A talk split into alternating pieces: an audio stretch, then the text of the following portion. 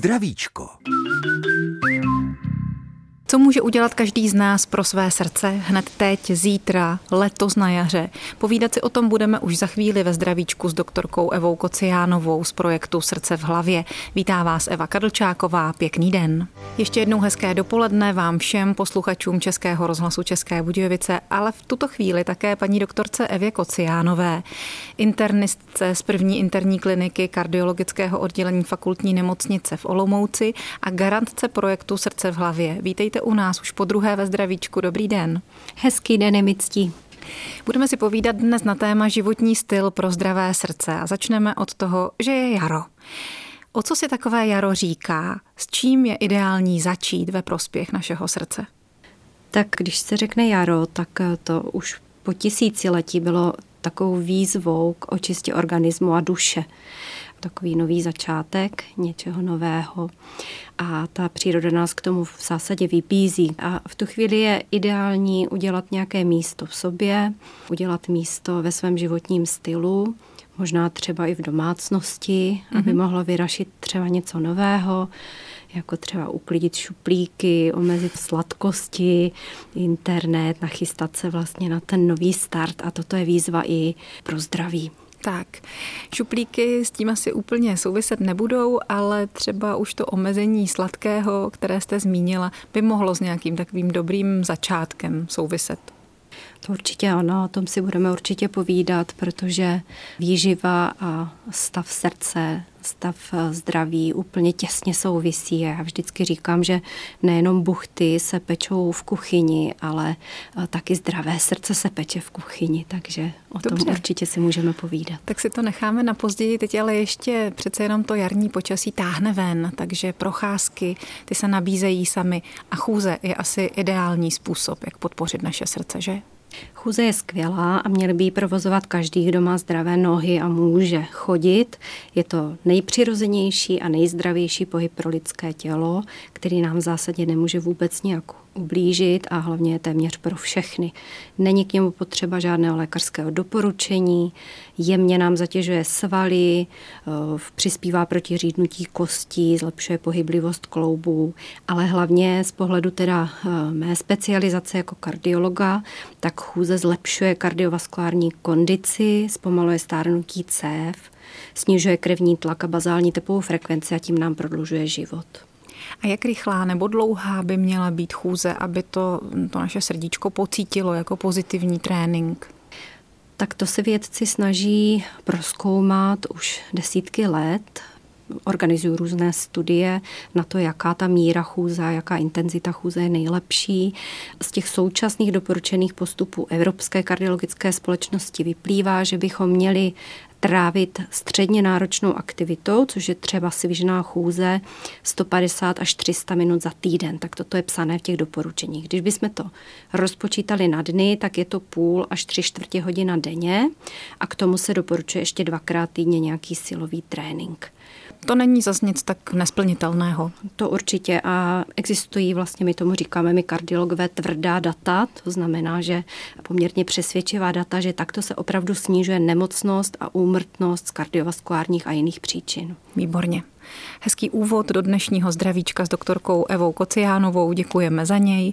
Po písničce se do zdravíčka vrátíme. Srdeční záležitosti jsou tak trošku dnešním tématem zdravíčka s doktorkou Evou Kociánovou, internistkou a garantkou projektu Srdce v hlavě. Rozhodli jsme se, že vás vybídneme k tomu, abyste třeba i letos na jaře udělali něco pro své srdce. Mluvili jsme už o chůzi a co takhle třeba běh. Je ideální čas vyběhnout i do přírody a pro koho ano a pro koho ne případě toho lidského srdce. Tak doporučení chůze nebo běh závisí na tom, jakou kardiovaskulární kondici máte. My bychom měli strávit těch, jsem říkala, zhruba tu půl, tři čtvrtě hodinku denně takovou aktivitou, abychom se u ní zadýchali, zapotili, ale ještě jsme byli schopní komunikovat třeba mezi sebou, pokud jdeme ve dvou. To je taková známka té správné míry aktivity. A pro někoho to může být už chůze, kdy lape po dechu, a pro někoho je chůze málo a potřebuje víc a pro ty je běh. To znamená, že běh určitě ano, pokud máte zdravé nohy a máte kardiovaskulární kondici na to takovou, abyste mohli začít, tak můžete začít běhat a nebo střídat chůzi běh a postupně se propracovat k nějakým lepším výkonům. A opět se zeptám, jaká míra zátěže je dobrá a jaká už ne? Ono se ví, že i všeho moc škodí, samozřejmě, takže tak, jak jsem řekla, v té střední intenzitě zátěže, abychom dovedli plynule hovořit, bychom měli strávit ty předepsané minuty ale samozřejmě můžeme i běžet tak, že už eh, tu konverzaci úplně udržet neumíme, ale v takové aktivitě té se říká intenzivní aktivita a v téhle té intenzivní aktivitě bychom neměli trávit více jak dvě a půl hodiny týdně, protože se zase ukázalo, že to zvyšuje riziko některých srdečních arytmí. Takže všeho moc škodí a pokud bychom běhali takzvaně na krev, mm-hmm. tak nepřesahovat tu dvou a půl hodinu za týden. Dobře. Jaké signály by nám v takovém případě naše srdce poslalo, kdyby mu při běhu nebylo dobře? Jak bychom to poznali? Tak zdravý člověk, když se zadýchá hodně, tak přibrzdí, zastaví a podobně, tak na tom není nic divného, když trošku přestřelíme tu naši kardiovaskulární kapacitu, ani nám to neublíží. Ale to, co by mohlo být varovné, tak je třeba pocit na omdlení při té zátěži nebo nějaké rychlé bušení srdce, které nepřestává, i když zastavíme. No a hlavně jakákoliv bolest na hrudníku. To bych určitě radila posluchačům, aby nepodceňovali, protože to může být známka závažného onemocnění koronárních cév už v mladém věku. Mám třeba kamaráda, který mi volal ve svých 34 letech, že trénuje na závod a že ho při rozběhnutí tlačí na hrudníku a tak nějak ani on, ani já jsme nevěřili, že by to mohlo být něco vážného a už je po operaci srdce. Naštěstí tam se to zachytilo včas, takže varuju. Bolest na hrudi je vždycky známka toho, že máte být vyšetření lékařem. Uh-huh. A je to tedy bolest, je to pocit tlaku, není to třeba pálení? Může to být pálení, tlak, někdy eh, to vyzařuje do dolní čelisti nebo do levé ruky, někdy to může být pocit jakoby tíhy na hrudníku, ale co naopak většinou kardiální bolest není, tak je takové to ostré píchnutí, jakoby jehlicí mezi žebry, tak to obvykle jako bývá spíš nezávažný příznak. Takže to až tak se srdcem nesouvisí, to je spíš otázka dýchání, bránice a tak? Přesně tak. Většinou mm-hmm. to je otázka neúplně dobrého dýchání a případně přecenění nějak vlastních sil. A ještě prosím, když mluvíme o běhu, řekněte jako kardioložka, mohou třeba lehce aspoň běhat i rekonvalescenti po operacích srdce? Třeba ten váš kamarád sportuje dál, závodí? Určitě. Sportuje závodí. Po operaci srdce ani po prodělaném infarktu to není, neznamená stopku s běháním, Aha. ale takoví pacienti musí absolvovat takzvanou kardiovaskulární rehabilitaci. To znamená, že pod odborným dohledem lékaře, který je na to specialista, se nastaví vlastně intenzita zátěže, kterou pak ten pacient přesně ví, musí si sledovat eh, trochu aspoň ze začátku tepovou frekvenci, tak přesně ví, kolik si může dovolit, aby mu to neublížilo. A ta kardiovaskulární rehabilitace standardně probíhá jak po operacích, tak po těch kardiovaskulárních příhodách typu infarktu a je dostupná buď v lázních, anebo třeba i ambulantně. O zdravém srdci mluvíme s doktorkou Evou Kociánovou a za chvíli budeme pokračovat. Srdce máme nejenom v hrudníku, měli bychom ho mít i v hlavě, alespoň v tom slova smyslu, že bychom na ně měli myslet a měli bychom pro ně něco dělat včas. Mohlo by k tomu patřit i otužování, je velmi moderní, ale možná už teď na jaře je na ně pozdě, nebo ne?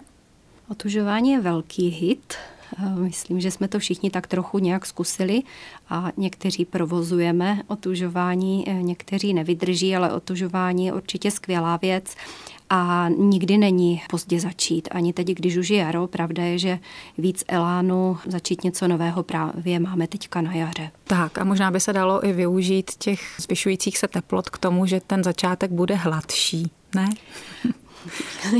Já třeba, kdybych se rozhodovala, že začnu plavat v ledové vodě, což teda nedělám, tak bych asi začala odkládáním vrstev na podzim, kdy vlastně se snižuje ta teplota postupně a tím pádem člověk jako postupně uvyká tomu chladu, ale určitě se to dá dělat i teď na jaře. Takže můžeme se do toho pustit. Vy už jste trošku naznačila, jak měla byste ještě nějaké další rady pro začátečníky? Začátečníci určitě začít se ochlazovat vzduchem. Teďka, Aha. když jsou ty teploty, řekněme, ještě chladné, tak to jde dobře, prostě si vzít malinko míň vrstev a takzvaně eh, se snažit být míň choulostivý vůči tomu chladu. A můžete začít právě tím, že se trošku méně budete oblékat a můžete začít taky ve sprše, kdy se doporučuje na konci sprchování na 10 vteřin pustit tak studenou sprchu, aby to pro vás byla už trošku výzva, ale zároveň, abyste nebyli odrazeni pro příště a pak postupně tu délku toho sprchování studenou vodou prodlužovat. Takže takový ideální start takto. Potom, když už člověk třeba v zimě leze do ledové vody, je to nejspíš pro organismus šok. Ten zvyklejší organismus má, dejme tomu, šok o něco menší, ale může to ublížit srdci? No určitě u jedinců, kteří mají nějakou kardiální nemoc, třeba oni ani nemusí vědět, tak to může být nebezpečné. A s tím šokem, tak ono to je vlastně cílem otužování, naučit se na šok pomocí té ledové vody nějak adaptovat. A teď nechci říct úplně na šok, ale na nějakou stresovou situaci. Je to vlastně forma adaptace na stres, takže mm-hmm.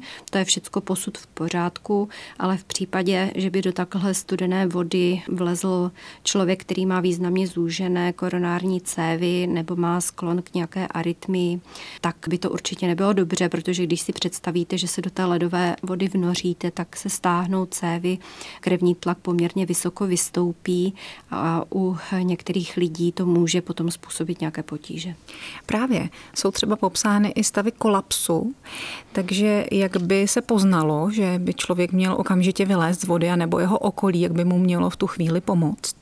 No, Tady jste narazila na to, že do té vody by člověk rozhodně neměl lézt sám. Určitě by měl si najít nějakou třeba otužileckou skupinu, která je v tomto mnohem větší mistr než třeba já, co tady můžu poradit a nechat si opravdu poradit s tím, jak se v té vodě pohybovat a mít vždycky někoho po ruce, kdo vám pomoct může, když to na vás přijde. No a jakékoliv stavy závratí, zhoršená pohyblivost rukou a nohou. Říká se, že když je vám zima, poznáte to na rukách. Takže jak jakýkoliv stav jako výrazného diskomfortu, závratí nebo omezené pohyblivosti by vás měl přimět k tomu, abyste vylezli. Je někdo, kdo by se vlastně do toho otužování ani neměl pouštět? A teď se ptám na vaše pacienty, kardiaky. Určitě nikdo, kdo má potíže při námaze, a teď myslím ty bolesti na hrudi. Existují pacienti, kteří třeba mají už stanovenou diagnózu ischemické choroby srdeční a mají třeba při extrémní nebo velké námaze bolesti na hrudi tak eh, oni i ty koronární cévy se stáhnou v tom chladu a zhorší se prokrvení srdce. Takže když je tam nějaká zúženina, tak se to tím zvýrazní a může to být nebezpečné. Takže tihle pacienti s ischemickou chorobou srdeční, těm bych to nedoporučila. Dál bych asi nedoporučila pacientům, kteří mají špatně kontrolovaný vysoký krevní tlak, a pak bych to nedoporučila pacientům, kteří mají sklony k arytmím a nebo i pacientům se závažnými chlopeními vadami. Dobře, ale abychom tento vstup skončili pozitivně, to otužování děláme z nějakého důvodu. Už jsme říkali, jde o to adaptovat tělo na nějakou stresovou situaci. I to může být naopak dobré pro srdce, je to dobrá prevence pro to, abychom udrželi svoje srdce v pořádku, zdravé a silné. Určitě, protože stres nám ubližuje dlouhodobě, takže jakákoliv forma adaptace na stres je pro naše srdce dobré. Co se týče našich cév, tak se udává, že i střídání studeného a teplého, to znamená teplotní výkyvy, v zásadě cvičí naše cévy, aby byly hezky pružné. K tomu se doporučuje třeba doplnit ještě saunování v kombinaci s tou chladnou vodou a tím ty naše cévy donutit k jakési takové gymnastice.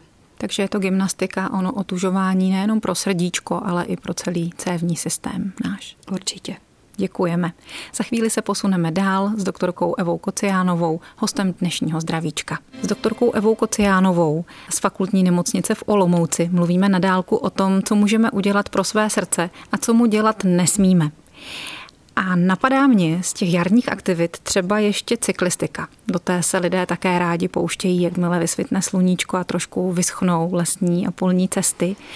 Tak co vy říkáte na cyklistiku? To je asi docela bezpečný a doporučení hodný sport pro naše zdravé srdce.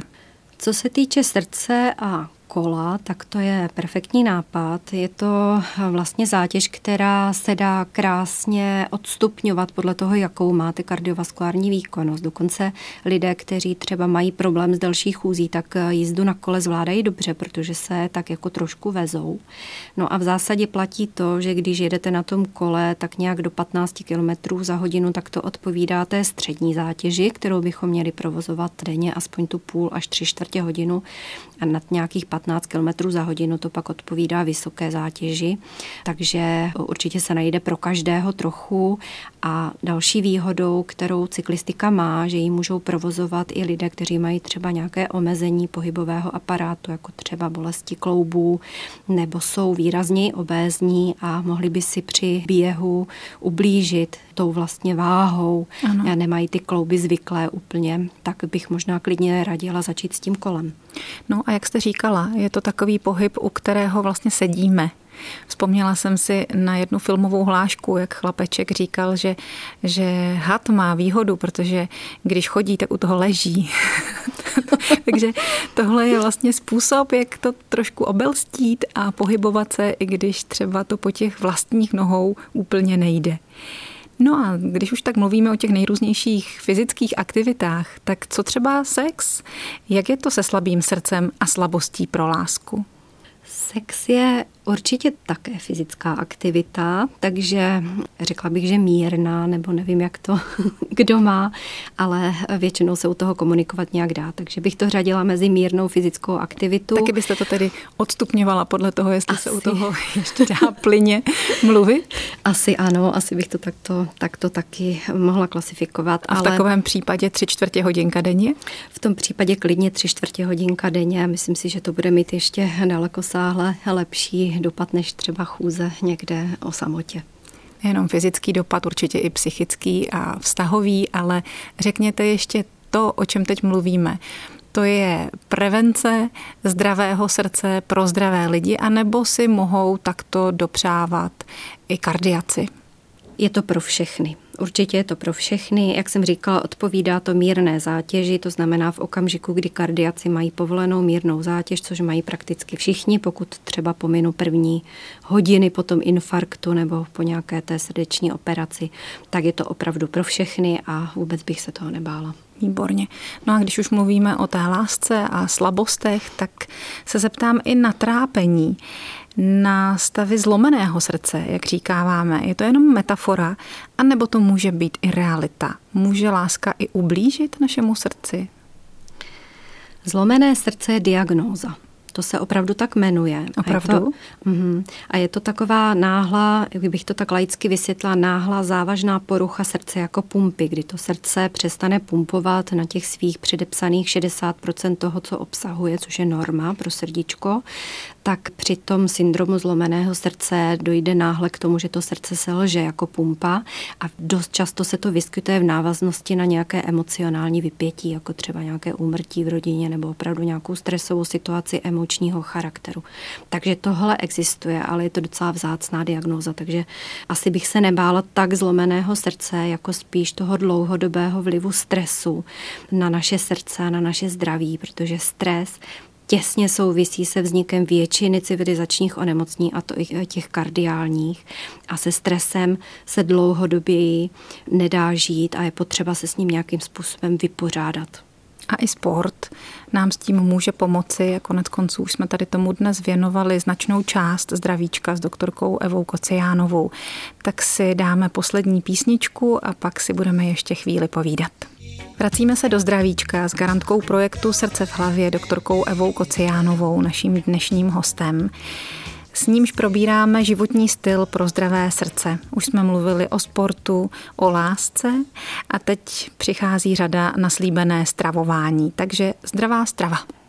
Tak to by bylo povídání dlouhé. Zdravá strava, jak jsem říkala už úplně na začátku, tak nejenom buchty, ale i zdravé srdce se peče v kuchyni. Takže to je úplně základní kámen kardiovaskulární prevence. A ať už budeme dělat pro zdraví cokoliv a budeme špatně jíst, tak to s náma nedopadne dobře. Tak dala byste nám pár těch základních zásad?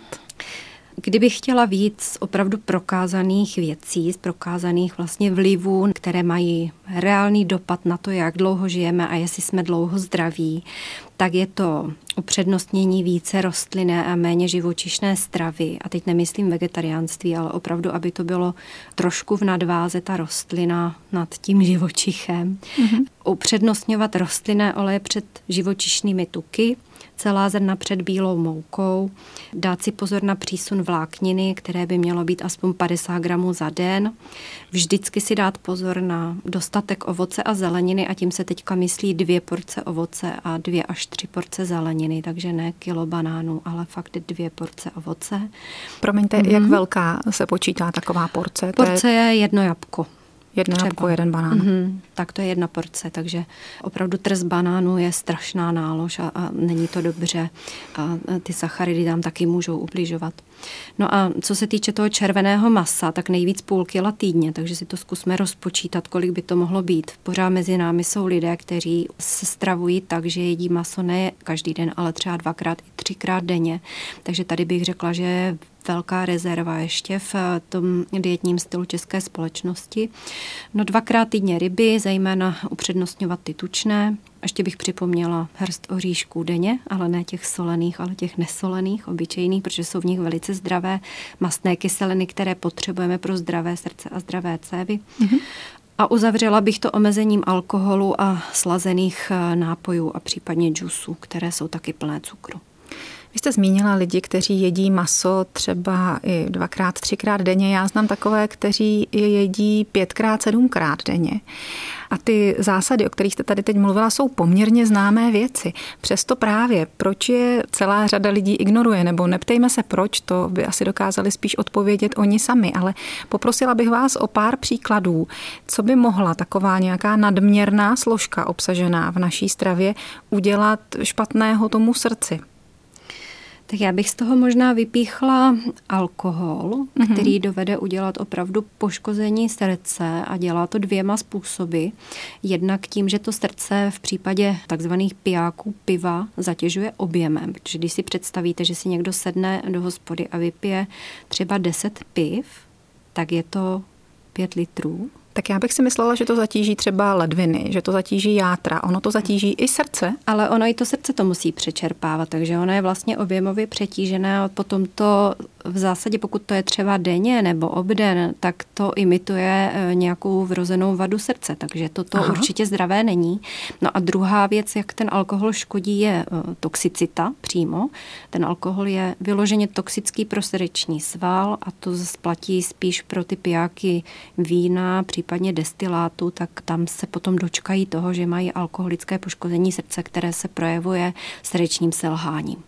Takže to je taková jedna část té nutrice, kterou bych tady chtěla zdůraznit. A, a druhá věc, na kterou se hodně zapomíná, je sůl. Hmm. O tom se málo mluví a přitom sůl škodí hodně český národ se tráví chloridem sodným dlouhodobě.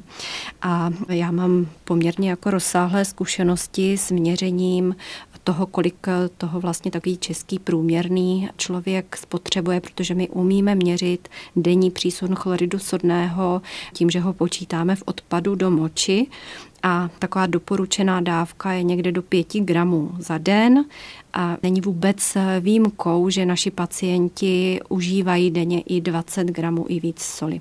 No a jak potom vypadá nebo jak se chová takové prosolené srdce? Tam jsou v zásadě zase stejným způsobem zatížené hlavně cévy a potažmo teda i srdce tím, že nám cirkuluje mnohem větší množství tekutiny a stoupá nám krevní tlak. Takže sůl, přísun soli je přímo úměrný tomu, jak vysoký krevní tlak budeme mít. Mm-hmm. Proto se radí pro ty nízkotlaké napít se a trochu si dosolit a naopak pro ty vysokotlaké nesolit nebo hodně omezit sůl, protože když si to představíte laicky, tak sůl táhne vodu, ten chlorid sodný vlastně způsobuje větší oběh tekutin a způsobuje takzvanou tekutinově závislou hypertenzi neboli vysoký krevní tlak. Aha, takže když by teoreticky a tedy pokud možno i prakticky člověk s tím intenzivním solením přestal nebo by ho omezil, mm. tak by mohl lecos ještě tím způsobem stravování, novým způsobem stravování napravit? Mm, určitě. Udává se, že když sníží takový člověk, který více solí, a teď nemyslím tu slánku, ale třeba i spotřebu těch rafinovaných potravin a průmyslově zpracovaných potravin, jako jsou různé bujony a instantní jídla jídla z eh, hospod a podobně, tak když sníží spotřebu soli pod 6 gramů za den, tak to funguje úplně stejně, jako když se nasadí tabletka na tlak. No výborně. Tak naznačili jsme řadu možností ke zlepšení životního stylu a to znamená tedy i k našemu zdravějšímu srdci. Někdy chtějí pevnou vůli ale někdy možná to ani není potřeba, takže bych se na závěr zeptala, jestli vás napadá něco, co můžeme udělat hned teď a žádné úsilí to vlastně ani nebude stát. Já bych řekla, usmějte se, vstaňte ze židle a běžte se na pár minut projít. tak já jdu. Děkujeme vám moc krát za účast v dnešním zdravíčku. Udělejte to taky a i vy, milí posluchači, děkujeme vám všem za pozornost. Ty díky a pozdravy patří doktorce Evě Kociánové, internistce fakultní nemocnice v Olomouci a garantce projektu Srdce v hlavě, která byla naším dnešním hostem. Naslyšenou někdy příště. Naslyšenou.